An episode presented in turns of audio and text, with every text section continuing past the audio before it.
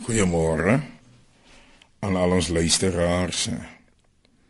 Ek wil hierdie praatjie vanoggend begin met 'n vraag.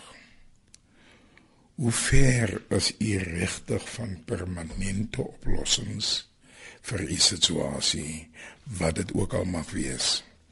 Ek wil nie voorgee dat die lewe nie soms soos die Engelsman sê 'n curveball kan bowl nie. Maar ek praat oor die algemeen. Ek wil die storie gebruik van Naaman in 2 Konings 5. Die Bybel sê hy was die koning van Aram se bevelvoerder van die leer. Dit was 'n belangrike man en hoog in aansien by die koning.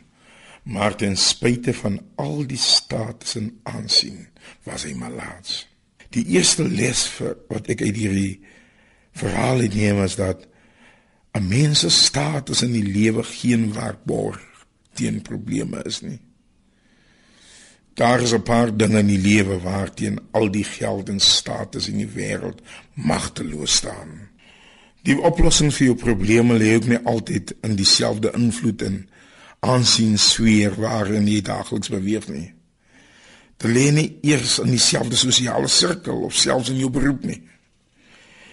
As ons kyk na 'n Aman se verhaal, sal ons kyk sien dat iemand wat niemand sal soos ons sê kop toe vat nie het iets geweet wat hy nie geweet het nie. Sy vroue het 'n diensmeisie gehad wat hulle tydens een van hulle strooptogte in Israel gevang het. Soveel range laer as Naaman in sy huis alleen. Maar hierdie dametjie het geweet van 'n moontlike oplossing. Alle oplossings kan nie met geld gekoop word nie. Naaman het dit baie goed gevind. Want al die geskenke wat hy saamgeneem het, het glad nie eens die profeet beïndruk nie. Maar hierdie belangrike man het byna sy aanbod gemis deur trots.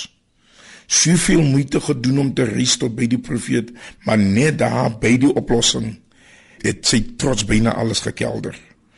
Toe die profeet die antwoord stuur toe reageer na Amen soos volg. Die Bybel sê baie kwaad weggegaan en gesê ek het verwag dat hy sy hand oor die malaatsheid sou waai en my sou gesond maak is die riviere van Damaskus beter as al die riviere in Israel saam nie. Hoekom kan ek in een van hulle gaan was en so gesond word nie? Bybel sê dit omgedraai en weggegaan.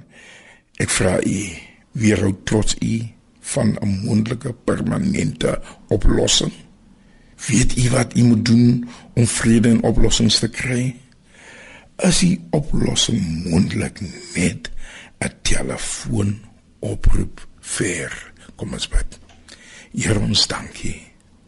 Help ons dat trots ons hier hou om oplossings vir ons probleme te vind nie. Amen.